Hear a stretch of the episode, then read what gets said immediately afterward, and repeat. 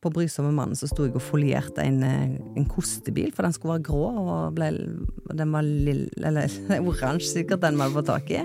Og da skal du helfoliere en kostebil. Jeg har aldri foliert en bil før.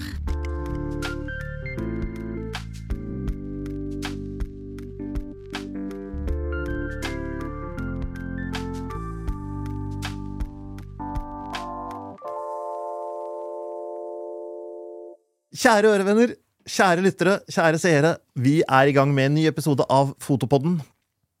I dag har vi en liten vri. Vi har ikke en fotograf, og vi har ikke en videograf. Vi har en Hva skal vi kalle det? Art director? Nei. Nei, ikke art director. Jeg, det er jo en tittel. Jeg er jo eh, ja, På gammelt eh, norsk kalte vi det rekvisitør. Mhm. Nå kaller vi det sjefsdekoratør. Sjefsdekoratør. Det høres ganske fint ut, egentlig. om dagen. Ja. Mhm. Olga Gøril Vik, velkommen til oss. Takk for det. Du jobber med rekvisitter, kulisser, små ting, store ting på filmsett. Ja. Og på ganske store filmsett. Ja. Du har jo vært med på alle disse store tingene som Verdens verste menneske og Okkupert og ja, den nye julekalenderen, den Skomakergata-saken. Ja. Så du har jo ja, gjort ganske store ting, og sikkert masse små ting vi ikke har hørt om også. Ja, nei, jeg har fått, eh, vært heldig og fått vært med på veldig masse store, bra ting. Store produksjoner. Så det har jo blitt mye av det i det siste, og kanskje spesielt en god del store eh, TV-seriedrama. Som det har blitt mer av de siste åra. Første året jeg eh, jobba med film, så var det mye spillefilm. Og nå er det litt spillefilm innimellom, og så er det en god del TV-serier, da. TV-serier blir jo større og større også. Det blir det. Vi har jo invitert deg hit fordi vi anser jobben du gjør som ganske viktig for jobben de som skal filme, gjør. Og da lurer vi jo litt på litt hvordan disse møtes, litt hvordan du tenker når du skal legge opp ting, hvilken kunstnerisk frihet du har i forhold til hva regissøren bestemmer, eller hva som er allerede putta ned i manus, og litt sånne ting. Fortell litt om hvordan jobben er. Ja, vi som jobber i Art Department, vi har jo eh, eh, Vårt ansvarsområde er jo egentlig å innrede filmsettene. Eh, det være om det er i studio, så blir det jo helt fra scratch. Fra liksom å sette små eh, stikkontakter til de store møblene. Til de små kulepenner og kaffekopper og kunst og tepper og tekstur og alt i sammen. Så det er jo, en, det er jo et eh, rikt og bredt felt. Eh, jeg jobber jo under eh, produksjonsdesigner som eh, jobber lenger på prosjektet enn meg, som begynner tidligere, og som eh, har eh, sjefsansvar for hvordan dette blir seende ut.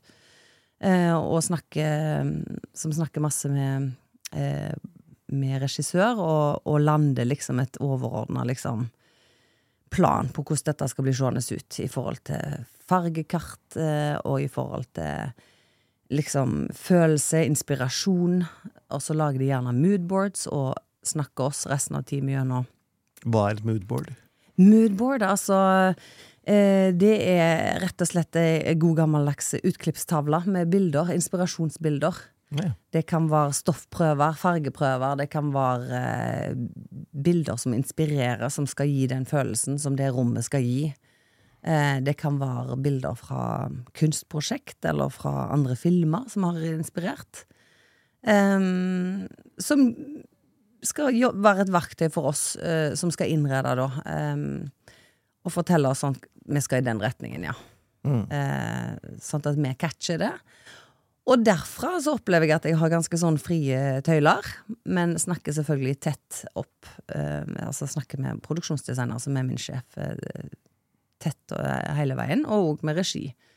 Eh, Men det er jo liksom litt mindre Det er jo utrolig hektisk når vi går i, i produksjon.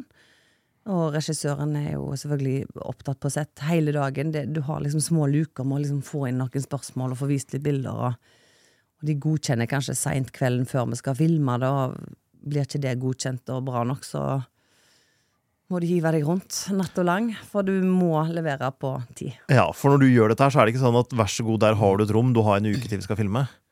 Nei. Veldig ofte så har vi en loca Altså, vi er jo ute på locationer og filmer mye òg. Problemet at vi bruker jo ikke locationene sånn som de ser ut. Eh, Vi bruker en leilighet, eh, men vi eh, rydder jo For eksempel nå den siste produksjonen jeg var på, det var en produksjon som er satt til 60-tallet. Og da fant vi kanskje en leilighet som hadde 60-tallskvaliteter.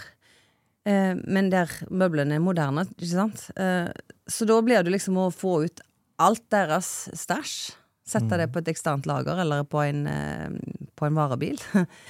og så kanskje tapetsere litt og gjøre litt om og bare liksom dra det enda mer ned på 60-tallet.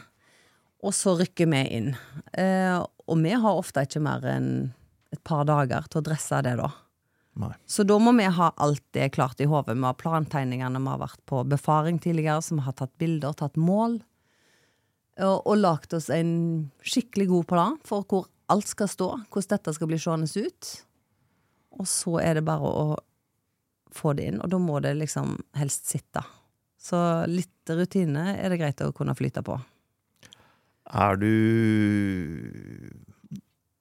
Flytter man også, holdt jeg på å si, flytteperson? Altså Lemper du møbler inn og ut av rekvisittalager og lastebiler og varebiler og Ja. leiligheter og Ja, ja, men det er ikke fritt for at vi får uh, sjaua litt. Jeg har ikke treningskort på Sats, for å si det sånn. trenger ikke det.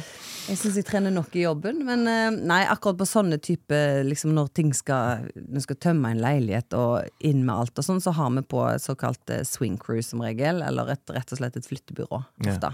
Ja. Til å hjelpe oss, i hvert fall på større prosjekter det er budsjett til det. Og det er det jo gjerne nå på litt sånn større prosjekter, så det blir mindre bæring og løfting enn det har vært, for å si det sånn. Før så gjorde vi jo alt, men nå er det litt mer sånn Det er kanskje like greit med åra. Absolutt. Jeg er veldig glad for det. Det er vel kanskje derfor jeg fremdeles kan holde på med dette. For eh, på et eller annet tidspunkt så eh, går ryggen, tror jeg. Ja. Hvor får dere tak i alle disse tingene? Altså, det, man kan jo ikke ha alle ting for alle tidsaldre for alle settinger tilgjengelig. Nei, eh, jeg eier ikke en sånn fly, flyhanger med ting. nei. Nei, eh, vi eh, har jo våre kontakter. Eh, det kan jo være samlere. Det kommer jo an på hva du skal. Sant? Plutselig så skal du lage en hel film som handler om en birøkter. Da må du knytte deg opp til birøktermiljøene i Norge. Mm. og få inngående kunnskap og kontakter og få lånt og leid og, og ordna deg. Ellers er det jo liksom, skal en gjøre poker og sånn, så finnes det jo heldigvis veldig mye av både eh, 30 og 40 og 50 og 60 og 70-tallsmøbler. Og Å få både i bruktbutikker tråler vi, vi tråler Finn, eh, ikke minst. Eh, og så har vi en del nå kollegaer som har eh, starta noen ganske fine rekvisittlagre, faktisk, som vi òg leier av hverandre, da, fra disse rekvisittlagrene og sånt. Så når dere har brukt det, så kan dere sette det inn der? Riktig. Ja. For det er jo litt problemet vårt at når vi er ferdige med ting etter endagsopptak, så er vi ferdige med det. Da må det ut igjen. Da har ikke vi plass til å kanskje lagre på det i månedsvis. Så det er jo um, en økonomi i dette her. Eh, men vi er blitt veldig flinke til å i hvert fall ikke drive og kaste så mye, selv om, selv om vi har dårlig tid. Så det, det finnes alltid liksom bruktsjapper eller eh, til og med gjenvinningspunkter på, på eh, gjenvinningsstasjonene, så en kan sette brukernes ting nå og sånt. Så ting får jo et nytt liv, da. Mm. Så mye av jobben din er å gå på skattejakt, egentlig? Riktig. Ja. Det er jo litt spennende, da. Veldig. Ja. Eh, Så innreder du dette rommet, og så skal det jo stemme med lyssetting. Og skal det stemme med hvordan kamera jobber. Hvordan forholder du deg til disse Ja, foto er jo eh, Fotografen eh, snakker vi mest eh, med om praktikaler, altså lamper av forskjellige slag. De er da ofte opptatt av hva type lamper vi skal ha. Ofte så kjører vi en prøve på lampene før de blir filma òg. At en test, testfilming, rett og slett, på lampene vi har valgt. Ja, For da er det en sånn type lampett på veggen som både skal dekorere og lyse opp noe? Riktig. Ja. Og stålamper og bordlamper og kontorlamper og taklamper og alt som er, liksom. Mm. Og da er det ofte en preferanse at det skal gjerne lyse nedover, det skal være lokk på toppen, det skal være liksom Lyspærene er det jo ofte lysavdelingen som står, står for, Mm. og velger liksom varme og, og hvordan det skal fungere. Men eh, så den biten der er jo noe vi jobber mye med fotografer om. For der gjør jo vi en ganske sånn stor jobb. Det kan du kanskje legge merke til hvis du ser eh, hvis du, hvis du ser en TV-serie eller en, en film, så du tenker liksom åh, det er et fint bilde, eh, du, du ser på bildet, så Så ser du plutselig, hvis du begynner å telle, så er det plutselig liksom sju lamper i bakgrunnen, liksom. Du tenker jo ikke sånt over det når det skjer, men, men det er unormalt masse lamper i film. Ja, akkurat. eh, På filmsett. Er det rett og slett for å slippe å måtte bruke ekstra lys så mye, eller for å få en mer naturlig lys? det handler nok litt om å skape både dybde og Det, det, det skaper jo en effekt å Mm. ha lyspunkter i, i forskjellige lag. Mm. Så det er nok mest det. De kunne jo selvfølgelig lett lyssatt, og det gjør de jo i tillegg òg. De setter jo opp svære lamper, og de setter ut sol ut forbi, så de skyter inn i leiligheter på, på, på, på lift. Og, altså, det er jo masse juks, men, mm. men vi er med på eh, å skape ganske bra med stemning med våre lamper, da. Mm. Og så er det jo selvfølgelig òg fargepalett og noen enkelte farger en skal gjerne holde seg unna, som en har bestemt på forhånd. Og ja, det er jo Ja, hvordan jobber dere med farge? Får det liksom sånn På denne moodboarden, er det satt litt sånn fargeføringer der, Ja, eller? veldig ofte er det fargeføringer. Både fargeføringer på eh, hva skal, hva fargelandskap vi skal ligge i. Kanskje er det noen karakterer som liksom Åh, de har et hjem som er veldig varmt. Der er det liksom burgunder og grønt, og der skal det liksom planter, og der skal du få en sånn varm og god følelse. Og så her er det litt goldt, her er det litt sparsommelig møblert, her er det, går det i blåtoner, her er det litt kaldt. Så det, det setter jo virkelig sånn eh, Det kan virkelig sette stemningen, sånn at det, eh, fargetoner i forhold til hvert filmsett er jo ofte det første som blir satt, nesten. Eh, og, og da går det ofte på rekvisitter med Finnog, og, og møblene, ikke minst, og, og tepper, tekstiler, gulvtepper, kunsten. Alt skal jo henge i hop. Og, um, og, og i forhold til kostyme, sant, at vi får jo kanskje samme brifen, sant, så Sånn at når liksom skuespillerne kommer inn i kostymene sine, så, så henger ting litt sånt i hop. Det, det er fint å se på, da. Mm. Av og til litt for uh, fint i hop. De kommer inn, og så er det bare sånn Oh, det var veldig tone i ton. Ja. Med kostyme og det vi har. Altså, det blir nesten sånn at vi må flire, og, og kostyme bare åh, Bor du der, så kan du ikke kle deg om. ja. Så, men eh, det, du skal jo helst ikke tenke sånt over at det er så tone i tone, eller at ting er liksom så gjennomtenkt, men det er jo klart at det Med mindre det er en en fin palett. Altså, noe man bruker som en effekt i filmen. For det er jo mange filmer som bare lages så estetisk vakre Absolutt. at uh, det er ingenting som egentlig ser realistisk ut, men det er bare så utrolig du, flott å se på. Du, du svelger det, ja, Ja. ja. Og, og så har du jo forventningene til folk òg, for eksempel eh, når vi lager eh, når vi lager julefilm, for eksempel, så, så er det noen forventninger hos folk, for eksempel, om at det skal være rød burgunderfarger, det skal være grønnfarger, det skal være eh, Hvitt. Ja, skal være eh, ja, snødryss som mm. sparkler, og det skal være eh, varmt lys i hver kro, liksom. Og hvis en bare dropper det, og bare sånn Vi kjører lilla og blått og liksom Da får ikke folk den der eh, julefølelsen. Så noen ting noen, Vi har lagd oss noen sånne sannheter som på en måte vi kjører oss fast i, så vi bare Nei, det må eh, være til, det. Og hvert fall hvis du skal lage julekalender. Du skal lage en første, hva heter den første juli Skomakergata? Ja. Det, det er Så- ikke en julekalender for øvrig. Nei, det er bare en, er julekalender, spillefilm. Men uh, fint, Men da, du tuller ikke med juletradisjoner da, altså? Kanskje kan ikke det, altså. Da, da er du jo ferdig. Da er Altså- ferdig. Da, eh, da, da er det noen forventninger som skal innfris, det er det ikke tvil om. Men så er det jo veldig veldig gøy å jobbe med den type univers òg. For det det er jo den der klassiske, fine Altså, det er jo gøy å jobbe med. Ja. Og, og, og Skomakergata var jo min barndom, så jeg er jo allerede skeptisk. Bare Ja. høre om den, så er jeg jo skeptisk. Ja, ja, ja. Så dere har jo enormt mye å leve opp til. Ja. Bare for at vi gamlinger ikke skal bli sure. Ja. Og vi blir lett sure. ja. Ja.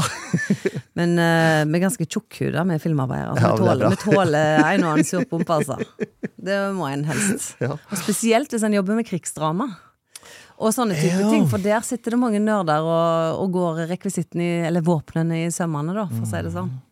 Så da skal en være litt uh, hardhuda. Og nå er det vel færre og færre som eh, husker det sjøl, men eh, Ja. det er alltid noen etterkommere eller noen Oh, yes. og noen fanboys og noen eh, Ja, ja, nei, det var ikke sånn. Så det er nok Det er liksom forskjell på hva type drama du lager, og hva type epoke og sånt, men du kan nok risikere å få litt, litt svi av hvis du ikke har holdt eh, tunga helt rett i munnen. Mm. Så plutselig produksjonsåret av eh, en eller annen rekvisitt er ett år seinere enn det vi egentlig filmer, Ja, så er det krise for noen. Det er litt gøy hvordan de har gjort det i Makta. Ja, det Hvis du er har sett Makta. For der har de jo masse moderne ting Ja, Uh, som, uh, som ikke hører hjemme der i det hele tatt. det er kjempegøy, og jeg syns at uh, Jeg ønsker det så velkomment. Jeg syns det er så gøy, og jeg syns ikke at en En mister ingenting med å gjøre det på den måten. Altså, der har de jo dratt, der har de lag, gjort det som et grep. Mm. Men jeg tenker jo innimellom at vi kunne ha sluppet opp litt mer, for eh, jeg syns det, det er viktigere å skape interessante bilder enn å være helt sånn nazi på liksom sånn et produksjonsår. Og, og liksom 'Å nei, han ble ikke produsert før et halvt år seinere, da kan vi ikke bruke den'. Er det en fin rekvisitt og noe som funker, og du får den samme eh, tidsepoken Du får samme følelsen av tidsepoken sånn, så drit i nerdene, liksom. Da bruker du den fine Der er jeg, eh, mer og mer. Mens eh, Makta har jo selvfølgelig tatt det til et helt annet eh, Men de har jo tatt det til det nivået ingen vil prøve å si at ja, men operaen var ikke bygd da Ja, ja. Ulf Steen sto der ute og røykte. Ja, nei, der er det jo Um, For alle skjønner jo det. Ja, ja, absolutt. Men samtidig så skjønner jeg jo nerdene, hvis de har brukt hele livet sitt på å vite at den kom et halvt år etter den, Ja, ja. at de ikke kan uh, opptre samtidig. Um, og har et behov for å si fra om det hvis de oppdager det. Og det skal de få lov til. Ja. Det, det er min glede. Det, det er bare fint, det. Være engasjert. Nemlig. Hva er vanskeligste setten å jobbe med? Altså En ting er reaksjoner fra publikum, men hva er det som er vanskeligst å få til? Ja, nei Vanskeligst å få til. Ehm, Er det sånn at Jo eldre det er, jo vanskeligere er det? Eller er det Nei, altså sånn Erfaringsmessig så er det ikke det. En tenker jo eh, Altså sånn Nå har jeg akkurat vært på et sånn historisk drama eh, som eh, om eh, noen kon kongelige som vi kjenner til, og noen hendelser som vi kjenner til. Og det er klart at da kjenner jeg mye mer på det der med at eh, her bør det være historisk korrekt. Mm. Eh, på en annen måte når man bare skal lage en sånn generell halvkomediedrama fra samme tidsepoke. Men når det, når det skal handle om historiske hendelser, for eksempel, så, så kjenner en litt mer på det der at eh, oh, nå det, Da skal det sitte. Ja, Kanskje særlig hvis det er kongelige, for da er det Ja, veldig mange som mener, at, mener veldig mye. Og, Ja. ja. Og det har jeg litt respekt for. Um, um, da har jeg litt respekt for nerdene og alt det der. For det, når, den, når en beveger seg inn i noe sånt, så, så er det plutselig litt, litt ekstra viktig. Men ehm, Nei, alt er jo på en måte en utfordring, men en gøy utfordring. Og, og ofte så tenker en liksom at ja, dette er jo et liksom, Nå er jeg i nåtid, og dette er liksom nå jobber jeg med noen sett som skal forestille mine venners hjem, eller liksom, sant? men så så er ikke det nødvendigvis så lett heller, liksom. Det, det er merkelig hva som kan være utfordrende, og hva som ikke er det. Eh, og det å lage epokog er ikke nødvendigvis så mye vanskeligere, for det, alt fins jo. ja, Og hvis det er litt tid tilbake, så er det ingen som husker hvordan det egentlig var. Det er sant. Mens hvis det er nytt, så vet alle i detalj Ja. hvordan det faktisk er, eller Ah, nylig var. absolutt, Ja. Så det er lettere, og du er, mm, detaljene må sitte Ja, for det at en skal huske på at det, det er jo veldig sånn Altså for meg, jeg har jo en formening om hva, hva, liksom, hvordan et hjem ser ut hos en uh, tredjegenerasjons eh, høykulturfamilie på, på, på, liksom, på Majorstuen, liksom. Jeg, jeg tror at jeg vet det. Liksom, ja, ja, de har det sånn. Sånn. Men jeg har jo ikke inngående kunnskap i det, selvfølgelig. Jeg har vokst opp i en bitte liten bygd på Vestlandet. og Kommer ikke fra noen kulturfamilie, og liksom Der er de håndverkere, og Så klart, jeg har jo ikke det. Det er jo fordi jeg har liksom Ja, vært på de festene og sitt, liksom Men sånn helt inngående sånn der en Ja, Vi sitter jo med våre fordommer om, Ja, at eh, bestefaren om de brukte gruppene vi ikke syltestrikk på isbarskoene sine, og det der en små hekser der, liksom. Det er jo sånn som eh, Som alle der liksom vet om, Mm. men som jeg kanskje ikke har fått med meg. Så det er jo ingenting som nødvendigvis er lett. Men eh, vi tar det på alvor, og vi har jo heldigvis eh, et forarbeid, så vi sitter og prøver å finne ut av ting. Mm. Så vi får gjort det så bra som vi kan klare. Når du lager en Det er kanskje vanskelig å si, men si du lager en, en, en film, da. Fordi er, den har en noenlunde gitt lengde. Hvor mange sett er det du skal lage? Å ja, det er et godt spørsmål. Eh, vet du hva, det er ekstremt varierende, faktisk. For det at eh, Noen filmer er jo nesten som et kammerspill. At den er veldig masse i to leiligheter, liksom. Coffee and cigarettes, det var ikke så mange sett du måtte lage.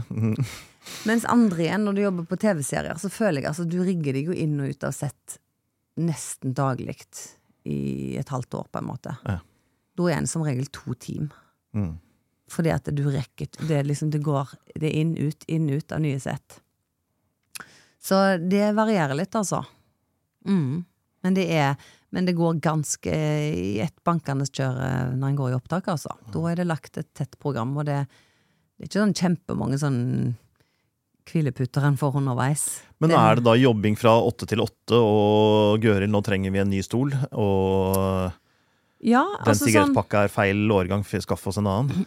Ja, det er jo litt sånn at det nå Nå um, Jeg vil si det har jo, det har jo skjedd eh, en stor utvikling på, i filmfeltet på, på disse greiene her. For at når jeg begynte, så var det totalt altså sånn Når jeg jobba på Brysomme mannen, som jeg begynner å bli sikkert snart 20 år siden, liksom, så var vi på en måte tre stykker i teamet. Når jeg jobba på en TV-serie nå for et år siden, så var vi 17. Nå var det riktignok TV-serie, men altså det er sånn, nå har det blitt en spissing. Så nå driver ikke jeg og finner sånn sigarett, for det er spillrekvisitt. sant? Akkurat. Så det er det noen som sitter med kun spillrekvisitter og ting som står i manus som de holder på med, og som er i bildet. Det er sjefsrekvisitøren og spillrekvisitt. Mens før så gjorde vi jo det. Da gjorde vi det, og vi hadde alle kjøretøyene. Nå har vi en egen person på kjøretøy. Og vi gjorde alt grafisk, alt som var på TV-skjermer, alt som var på dataskjermer. Det måtte vi liksom sette oss inn i og gjøre. Jeg, har ikke peiling på det, jeg har aldri vært interessert, men det var jo bare en del av jobben, det òg. Nå har vi en grafiker på, som regel. Så nå kan jo jeg i hvert fall få lov til å holde på med å innrede, da, som jeg kanskje er best på. Ikke sitte og lage datainnhold, som jeg ikke er god på. Eh, men den gangen så jobba vi jo, altså. Jeg sto og på Brysomme mannen så sto jeg og folierte en, eh, en kostebil, for den skulle være grå, og ble, den var lille eller oransje, sikkert, den vi hadde fått tak i. Og da skal du helfoliere en kostebil. Jeg har aldri foliert en bil før. Kostebil er vel ikke det letteste? Nei, jeg var assistent, og vi var liksom rekvisitør, assistent og, og sjefen vår, liksom. Og da sto vi jo liksom og jobba sikkert sånn 16-timersdager. Eh, sikkert oftere enn ikke. Mens nå prøver vi faktisk å holde oss på, på en åttetimersdag. Og så er det ikke uvanlig med ti timers for de som er på sett. Og innimellom så ryker man på en 12 og 14. Eh, og det er vi jo alltid innstilt på, at eh, vi har ikke en ordinær jobb der en kan regne med at liksom ferdig klokka fem. Men ofte så kan vi det. Og det er jeg veldig, veldig glad for, for da åpner det jo opp for at eh, flere kan eksempel eh, kombinere dette med familie, da, som jeg sjøl prøver heroisk på. Ikke sant? um, Det høres utfordrende ut. ja, det er jo innimellom det, men jeg tenker at det lar seg gjøre, for det er flere og flere av oss som prøver på det. Mm. Og, og jeg hoppet jo av bransjen sjøl når jeg var rundt 30, og det gjorde de fleste den gangen. Eh, Jeg kom bare tilbake igjen ganske kjapt. Men eh, da var det liksom kun de barnløse damene som, som fortsatte når de var, egentlig begynte å komme på høyden. Ja. Så det, du mista jo så mye kompetanse, så jeg tenker jo at det, dette, det der blood, sweat and tears-greiene som vi holdt på med for ti år siden, det, det syns jeg kanskje ikke hadde så mye for seg i forhold til hva vi får til nå. Så jobben er egentlig blitt enklere og bedre enn den var da? Blitt ryddigere på alle vis, ja, jeg syns det. Men det er fremdeles en, altså, vi er fremdeles cowboyer, eh, og vi holder på. Men eh, det er veldig mye proffere og, og forutsigbart opplegg. Og sånn skal det være òg, syns jeg. Det høres ut som du er fornøyd med at du kan konsentrere deg om de få tingene. Du ønsker ikke å liksom ha oversikten overalt og vite hva som skjer, og si at dette er mitt. Ja, jeg liker jo å holde i, men det er jo mer enn nok, da. Eh, å holde i eh, For det er ganske mange sett jeg skal ha oversikten over. Mhm. Så det er ikke en liten jobb. Eh, men jeg er glad at jeg slipper å, å passe på kontinuitet på sigarettene til en skuespiller. Eh, og kjøretøyene, eh, for eksempel. Foliere kostebiler. og fil- folie- foliere kostebiler og lage skjerminnhold og, og den type. Jeg er glad jeg har fått slippe det, for det betyr at jeg kan spisse min jobb, som er mer enn stor nok, eh, og gjøre den bedre. Mm. Og få konsentrert meg om det. Det gjør, gjør nok at vi leverer finere ting i dag enn vi gjorde for ti år siden. Det er jeg helt overbevist om. Mm. lett. Det tviler jeg ikke et øyeblikk på. Jeg lurer litt på hvordan du um, Når det da er flere mennesker som, som gjør forskjellige ting, hvordan får dere dette her til å spille sammen ordentlig? For jeg tenker at du gjerne har en idé i hodet om hvordan dette her skal se ut. Men så kommer noen rekende med en lampe som ikke passer inn, eller et bord som er et halvt år for gammelt, eller moderne, Ja. eller so last Ja, year. ja, det, det skjer jo at eh, en eh, og, og, og så er det jo ganske sånn subjektivt det vi holder på med òg, sant? At det, det er jo smaksbasert. Mm. Eh, Og så er det vel kreative sjeler med sterke Ja, meninger også, så da blir det vel fort litt sånn Men der er det jo liksom Det er jo produksjonsdesigner som har siste ord. Ja. Og jeg har ingen problemer med å, å bøye av hvis, hvis jeg har eh, godkjent en sofa som de kommer og sier sånn ah, Den fargen, det funker ikke for meg. Eh, Det må være varmere, eller eh, det er for høye armlener i forhold til den scenen når de skal synke ned, da forsvinner de bak, eller altså Jeg har ingen problemer bare med å skifte ut. Hvilken retning skal vi gå? Null problem.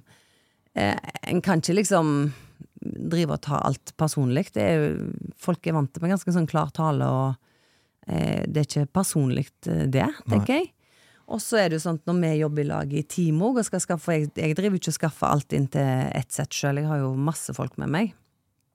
Eh, som er kjempedyktige og like flinke som meg. Og de kommer jo med sine forslag.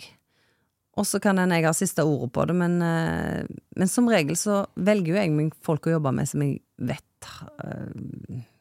er litt på bølgelengde, da, smaksmessig, og som leverer fine ting, liksom. Det er jo drømmesituasjonen å få jobbe med folk som som eh, ja, til og med kan være flinkere enn deg, liksom, som kan uppe ting, som kan komme, komme med, med løsninger på ting som en ikke hadde tenkt på sjøl, det er jo bare en glede, det. Og så går det an å ta en diskusjon på noen ting. Eh, der eh, Ja, noen ganger taper jeg, og noen ganger vinner jeg, liksom. Det Har du Er du frilanser, eller har du et selskap som de leier inn, eller hvordan fungerer det når du får et oppdrag? Vi er stort sett alle frilansere, men eh, det er forskjellige måter å gjøre det på. Jeg, jeg pleier å være lønnsmottaker, så jeg, eh, jeg går på bare som vanlig lønnsmottaker på prosjekt. Og så er det andre som har enkeltmannsforetak, for eksempel, som de fakturerer. Så det er bare en sånn økonomisk hvordan du vil gjøre det, men, eh, men i utgangspunktet så er vi jo alle eh, frilansere som jobber for forskjellige firmaer hele veien. Mm. eller ikke hele veien, en kan gjerne jobbe for samme firma på flere prosjekter òg, men, eh, men det er jo alltid eh, hva, ja, hva en er ledig til, og hvordan det går opp. Så mm, ja, så jeg har jobba litt eh, overalt for mm, masse forskjellige firmaer. Det hørtes ut på det du sa i stad, som du velger litt hvem du skal ha med deg på teamet. Ja, jeg har i hvert fall eh, et ord med i, i eh, laget der, eh, som regel. Men det er jo ofte liksom produksjonsdesigner som, som uh, velger seg et team. Uh, men ofte så er det jo sant, Hvis produksjonsdesigner velger meg til å være uh, sjefsdekoratør, så skal jeg ha med meg noen settdressere som skal hjelpe meg å både finne ting og få ting på plass og hjelpe meg med det. Da er det jo naturlig at jeg får gjerne ta Hvis jeg har akkurat jobba med noen eller har, har hatt noen faste makkere som er kjempegode, så er det jo ikke sånn at de blir lei seg for det. Hvis jeg har noen jeg jobber godt med, så er det bra. Så vi ender jo ofte opp med å, med å jobbe litt sånn med folk vi kjenner litt fra før og, og jobber godt med. Sånn at vi kjenner hverandre og kanskje kan kommunisere med færre ord og komme til de samme resultatene. Eh, og så noen ganger så passer ikke noen prosjekter man har sagt ja og nei til, så skilles våre veier, og så tar det liksom kanskje fire år før liksom det der en, eh, planene liksom kalenderne våre Ja, for det skal være ledige på samme- igjen. ja, ja, riktig. For at, eh, liksom, jeg er ferdig med et prosjekt, men da har de tre måneder igjen på ett. Og så da begynner jeg på et nytt, men da har de sånn så, Da kommer vi skeivt ut, og så finnes det gjerne noen nye Men sier de sånn Hei, vi trenger deg, og så trenger vi tre til. Kan du finne de tre? Ja, eller at vi, vi snakker litt om det i lag, da. Har du noen forslag? Jeg har tenkt på den. Hva mener du om den? Har du jobba med den? Eh, her er det noen nye på bordet, kanskje, som vi ikke har vurdert før. Eh, prøve å finne ut av Vi vil jo gjerne ha inn nye folk òg, selvfølgelig. Som kan komme og Og eh, ja, jobbe seg oppover og ta over etter oss etter hvert. Ja. Og apropos det. Ja, fullfør Ja. hvis det var noe Nei, så vi prøver vi, vi er jo litt opptatt av å slippe nye til, da. Hvis, Ja. de, hvis, de virkelig, hvis det er folk som vil og har lyst av assistenter og sånn som vil opp og fram, så vil vi jo gjerne gi fra oss eh, mer og mer ansvar og prøve å lære opp. Mm. Men en litt sånn, litt sånn hektisk hverdag til å få drive med sånn god opplæring òg. Så der føler vi jo ofte at vi kommer litt til kort, men, eh, men vi er jo veldig mm, åpne for at det kommer nye inn òg, hele veien, selvfølgelig. Og hvordan kommer man inn i en sånn jobb? Altså, Hvis jeg har lyst til å begynne med sånt, hvordan, hvor starter man da?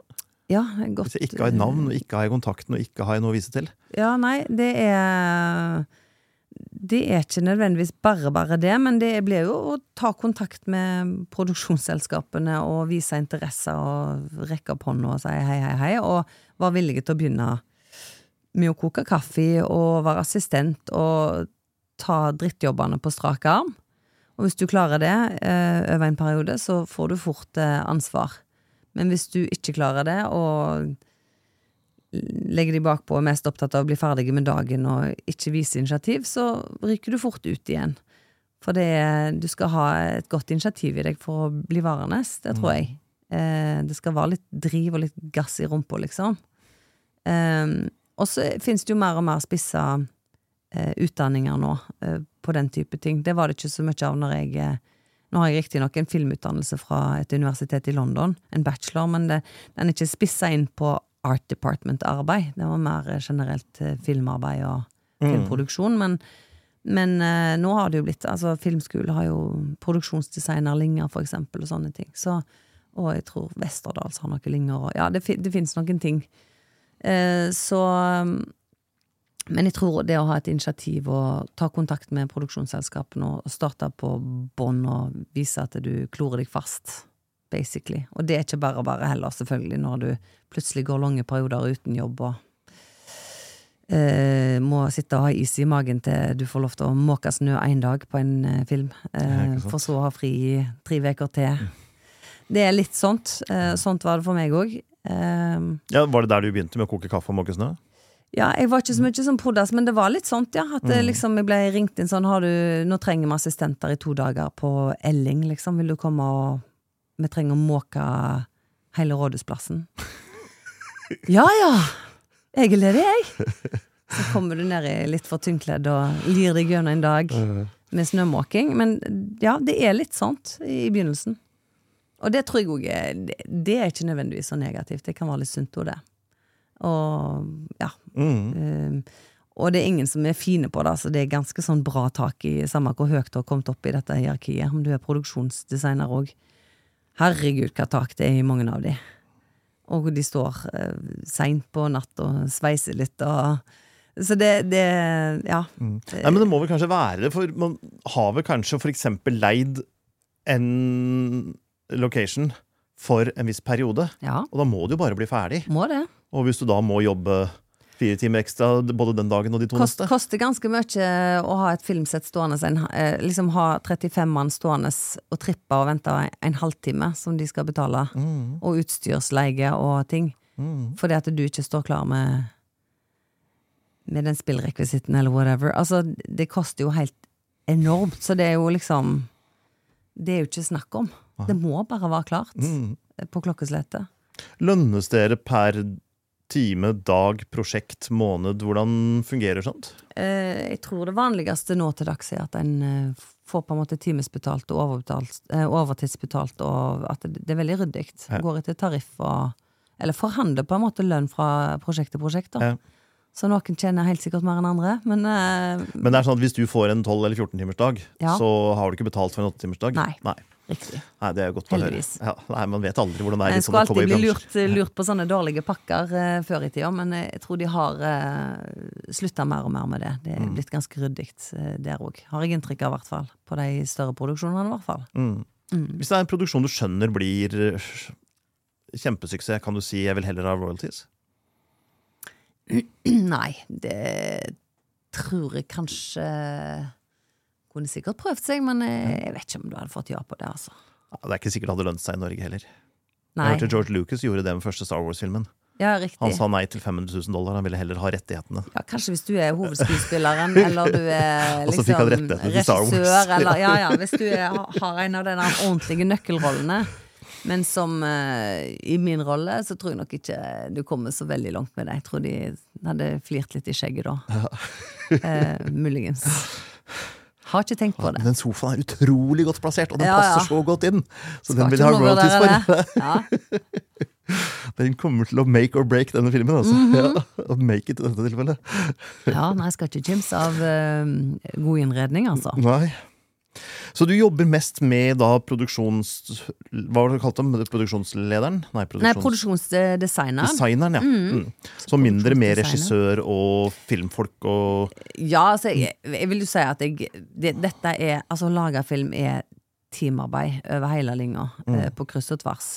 Så jeg vil jo si at jeg har eh, Jeg har jo kontakt med regi, og jeg har også kontakt med fotografen, og jeg har også kontakt eh, med de forskjellige. Og, men, eh, men vi prøver å ha minst mulig kontaktpunkter, egentlig, fordi det er mer effektivt. mm. Sånn at det er den innledningsfasen, sånn så er det produksjonsdesignere og- som legger liksom bunnlinja der. Og så, og så når det kommer til små, små rekvisitter og spillrekvisitter, så har vi en egen person på det, og de må jo naturligvis ha en del team regi på å få disse Du vet den der perfekte skinnfutteralet til den der dingsen som Altså, det må de bare snakke seg gjennom, ha noen faste møter på og få godkjenning. Det kan være ganske kjapt gjort, det, men eh, de må ha noen touchdowns. For at du ikke kommer ramlende inn på sett med noe som var sånn Hæ, er det dette vi skal filme? i dag? Altså, det, det ser jo ikke ut. Det der kan vi ikke bruke. Nei, ikke? Så det, vi prøver å liksom få godkjent alle sånne en, eh, den type ting. Og så har vi òg som regel godkjenning av ferdige sett. Kanskje kvelden før. Etter opptak så kommer regi innom. Ser på hva vi har eh, satt opp. Og som regel kommer inn og sier 'wow, sinnssykt fett'! Nei da. De sier ikke noen, noen ganger. helt feil, gjør det om igjen før klokka åtte i morgen tidlig. Det skjer òg. Ja. Eh, Men eh, nei, ikke helt feil. Men det kan, eh, kan fort hende at vi må opp og ned med en sofa fra femte etasje et par ganger eh, på kveldstid. eh, Koselig. Det har skjedd, det. Eh, Men stort sett så Ja, det, så går, går det jo bra. Mm. Så har vi jo levert, men eh, Men det bør eh, godkjennes, for det er verre hvis du står på sett på filmen dagen en skal filme, og du har en halvtime på deg til å fikse opp i noe som ikke kan fikses, på en måte. Og er det godkjent, så er det noen andres ansvar også. Riktig. Da er det du- godkjent. Ja. Ja. Hvordan jobber du med, med, lyd, med lyd eller lydfolk? Altså Tenker du akustikk og sånne ting når du innreder rom? Hvordan eh, jobber du med Eh, det? ja, vi tenker litt på det. Eller um, Ja, det tenker vi faktisk litt på. Uh, ehm, eh, ja, det er, ikke, det er ikke så sjelden vi sier sånn 'Å, dette kommer lyd til å hate'. så det er sånn uh, Ja, det kan være for eksempel eh, det, det kan jo være liksom alt fra sånn spillrekvisitter, sjokolade Wrappings, liksom ting hvordan det knitrer, hvordan skal- liksom, åh, vi går for det istedenfor det, for det bråker for masse. Det kan være eh, tekstiler eller eh, ja, ting som skal være tett på, som, som potensielt bråker. Det kan være eh, underlag og akustikk. Ja, vi må tenke på sånne ting. Hvordan når man går over et gulv, Ja. eller bare lyden i rommet, om du må henge opp noen tekstiler, Ja, eller ja. og, men det er jo kanskje mest eh, Ja, produksjonsdesigneren for eksempel står jo for på en måte tak og vegger og bygg, for eksempel, da, eller studiobygg og Så det er jo deres problem hvis det er en veldig knirk i gulvet, eksempel. Du skal kjøre over med en dolly, og det blir sånn knirkelyder i Altså, det er jo Det har jeg jo opplevd, at du må ta opp hele gulvet og sånt, for at det som kjører over med en sånn så Det går ikke. Det må av. Det liksom Og så har dere leid denne leiligheten av Ja, eller det er kanskje studio, det- da. At Ja, det er lagt ja. Men det er liksom Men det, da koster jo det fryktelig mye plutselig å gjøre om på, eller en kan løse med noen tepper som vi kan kanskje hjelpe til med. Men det er liksom Alt henger i hop, ikke sant? Alle avdelingene, og ja, lyd og lys og foto og kostymer og vår jobb og Alt henger jo i hop. mm. Så alle må egentlig snakke litt sånn på kryss og tvers. Og så når en har jobba med dette, så vet vi vet egentlig hva lyd ikke liker, og vi vet hva lys ikke liker, og vi vet hva foto virkelig ikke liker. Så vi, vi prøver jo å please hverandre og få det til å bli så bra som mulig, da. Mm. Hvor lenge har du drevet med dette? Um, det blir eh, Ja, 20 år neste år, for min del, tror jeg. Uh, jeg begynte å jobbe med dette. Begynner Det har vært en del produksjoner da, etter hvert. Ja, det har blitt eh, en del produksjoner. Vi, hva, eh, hvor stort fokus er det på detaljer du sier det skal være akkurat rette skinnfutteral og disse sigarettene og Mm. fargen på pære, lyspærer og sånne ting? Altså, for meg så virker det som noe som bare dere ser. Ja, eh, og det er jo litt kunsten òg, sant. At eh, dere, dere som ser resultatet, skal ikke tenke at noe har skjedd. De fleste som ser film, tror at vi har gått inn i en leilighet og filma. At dette er en ekte leilighet. Eh, sånt burde noen folk, og så har vi leid den leiligheten og filma der, og så er det sikkert én kameramann og noen skuespillere.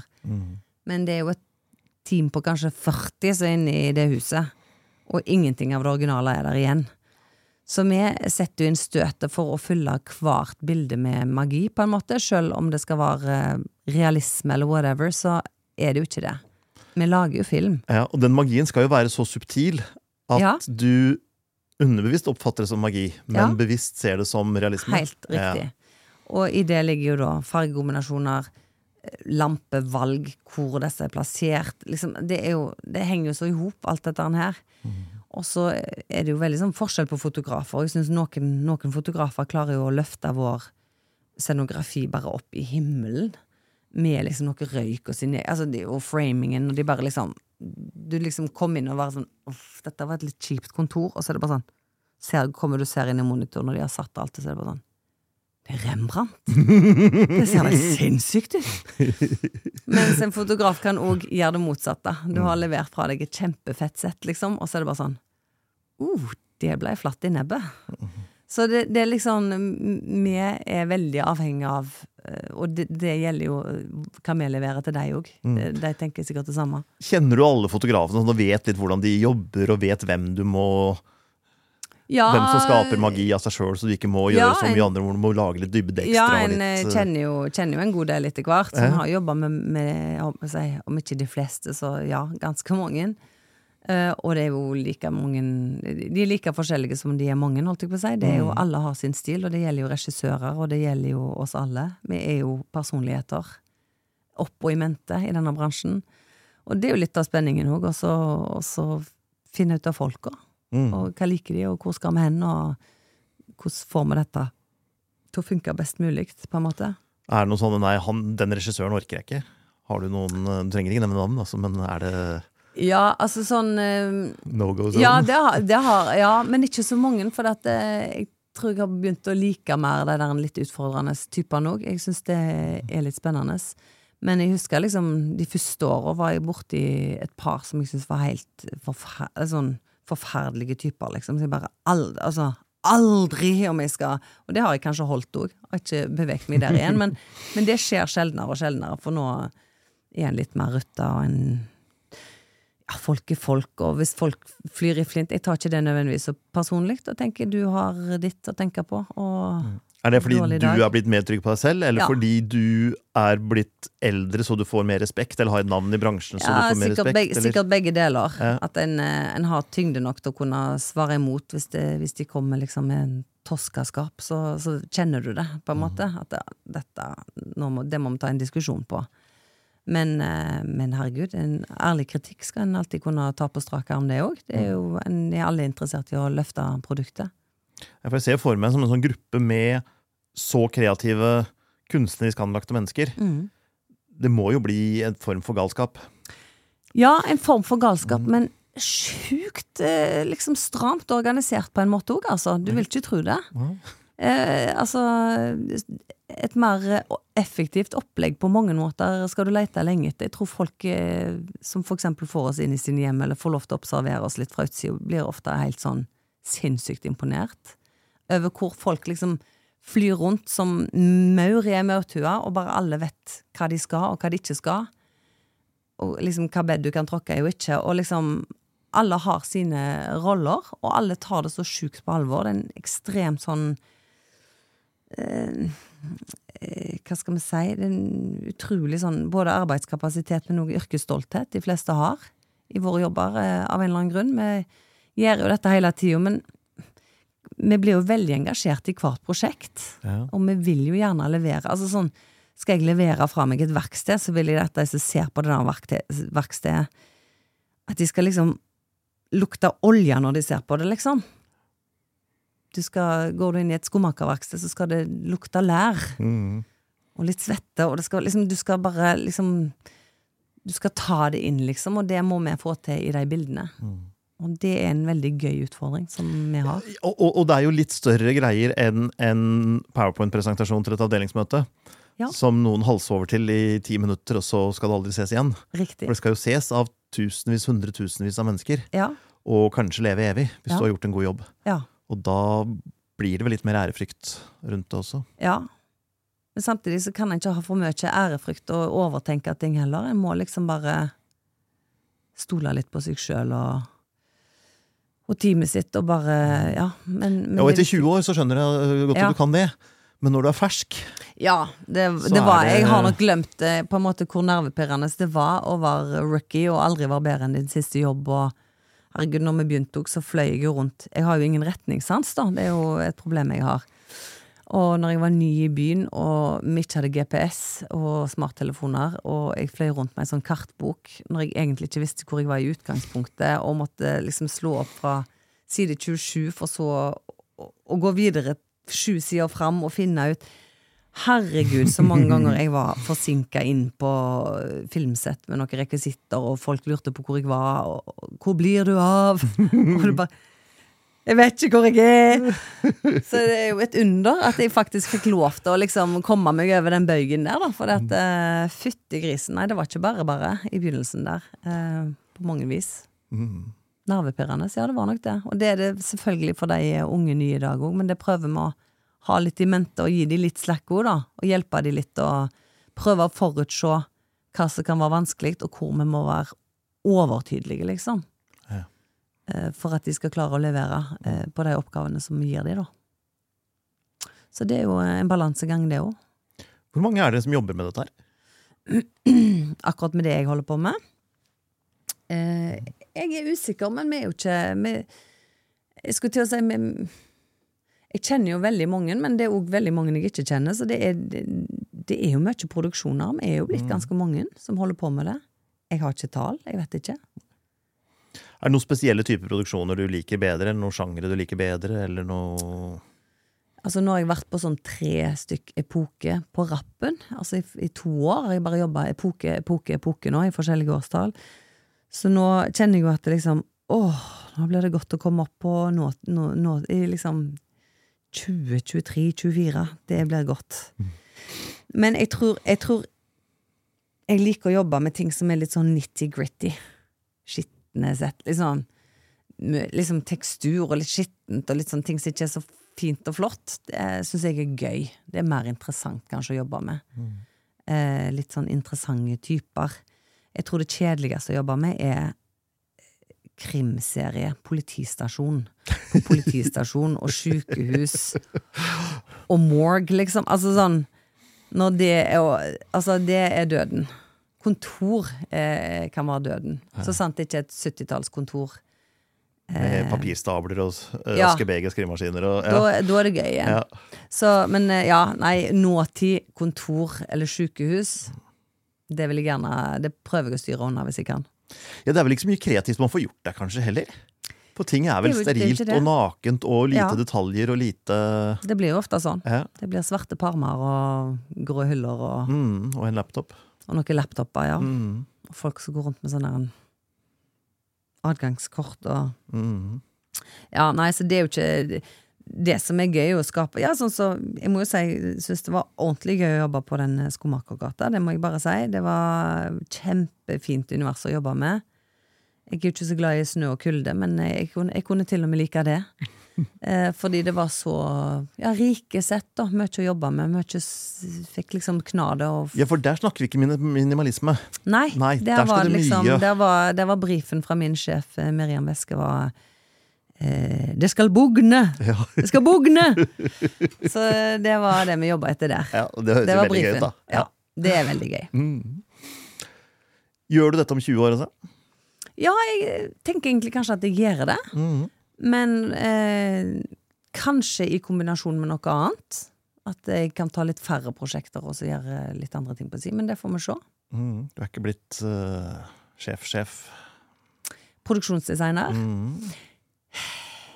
Nei, det, det, er jo en annen jobb, da. Ja, For da er det ikke hands on i samme grad lenger? Nei. Nei. Eh, og veldig mye mer møter og økonomi, og det er en del andre oppgaver som eh, Mer heder og ære, selvfølgelig, hvis det går godt. Men eh, jeg syns jo jeg har en veldig sånn gøyal, kreativ jobb med veldig, veldig kjekke kollegaer som man kommer veldig tett på. Mm -hmm. så jeg føler liksom at eh, skal en ikke være fornøyd òg, da? Jo, altså trives du med det du gjør. Det er ikke noe mål i seg sjøl å bli leder. Nei, jeg er jo, er jo. Jeg er jo en slags eh, hva skal en si, leder for min gruppe, da. Ja. Leder for vi som driver med interiøret. Mm. Derav sjefsdekoratør. Mm. Men uh, å bli øverste sjef, nei, det, nei, jeg er ikke så opptatt av det, kjenner jeg. Jeg er veldig opptatt av at jeg uh, vil trives i jobben. Jeg tjener godt nok. Jeg har uh, skikkelig gode kollegaer. Jeg har ikke mista piffen. Jeg syns det er inspirerende å gå på jobb, og da tenker jeg fader, jeg er heldigere enn de fleste. Ja, det er det som betyr noe. Ja. Men hvordan er det å være frilanser? Hvordan var det å være frilanser da pandemien slo inn, for eksempel? Hva gjorde du da? Nei, da gikk jeg hen og ble gravid. Ja. Så passet passet fint, det. Ja. Nei, jeg var permittert en kort periode da um, i forbindelse med Verdens verste menneske, som jeg jobba på da. Eh, så, og, og, hun ble gravid. Så jeg hadde liksom første trimester med, i permisjon.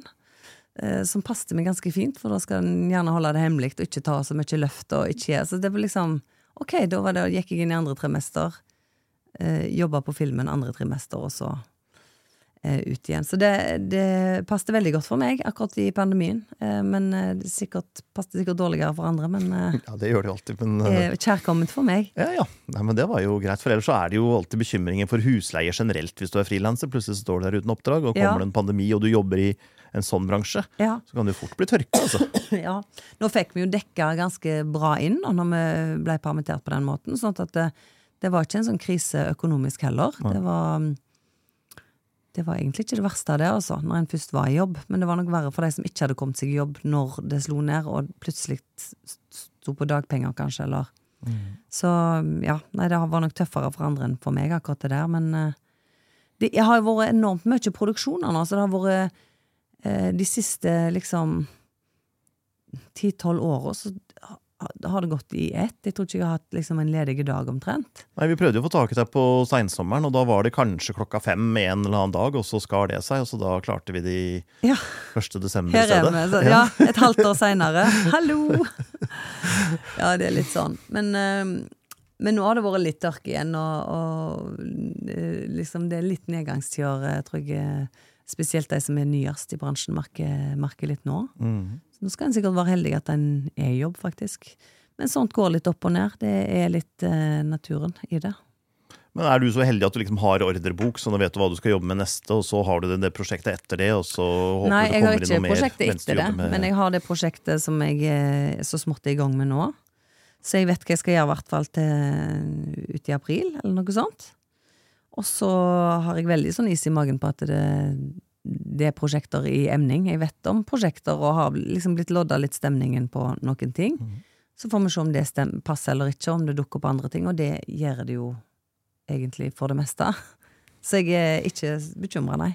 Hvordan planlegger man ferier og sånne ting når man er i en sånn jobb? Ja, Det som jeg har lært meg nå, er at jeg må bare booke det lenge på forhånd. Og så organisere seg litt rundt det.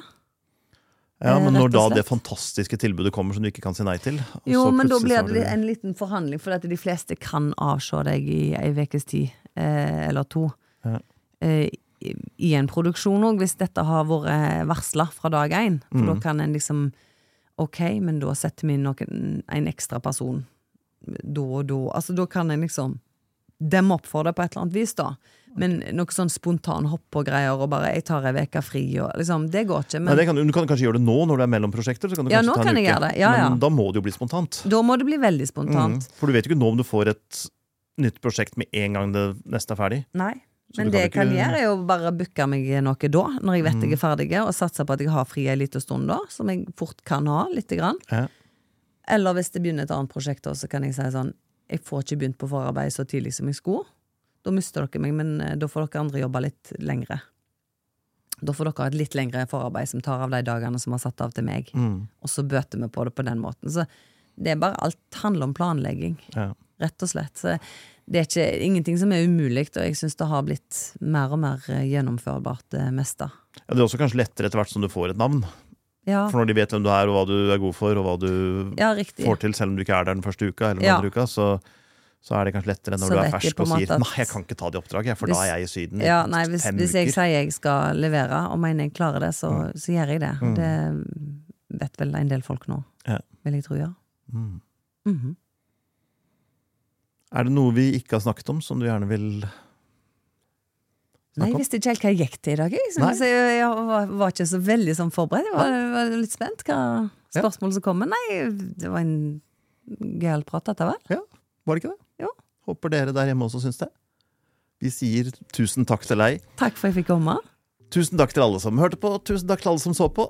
Mitt navn er Erik Forlund, teknisk ansvarlig er Thomas Brun, og vi er tilbake om en uke.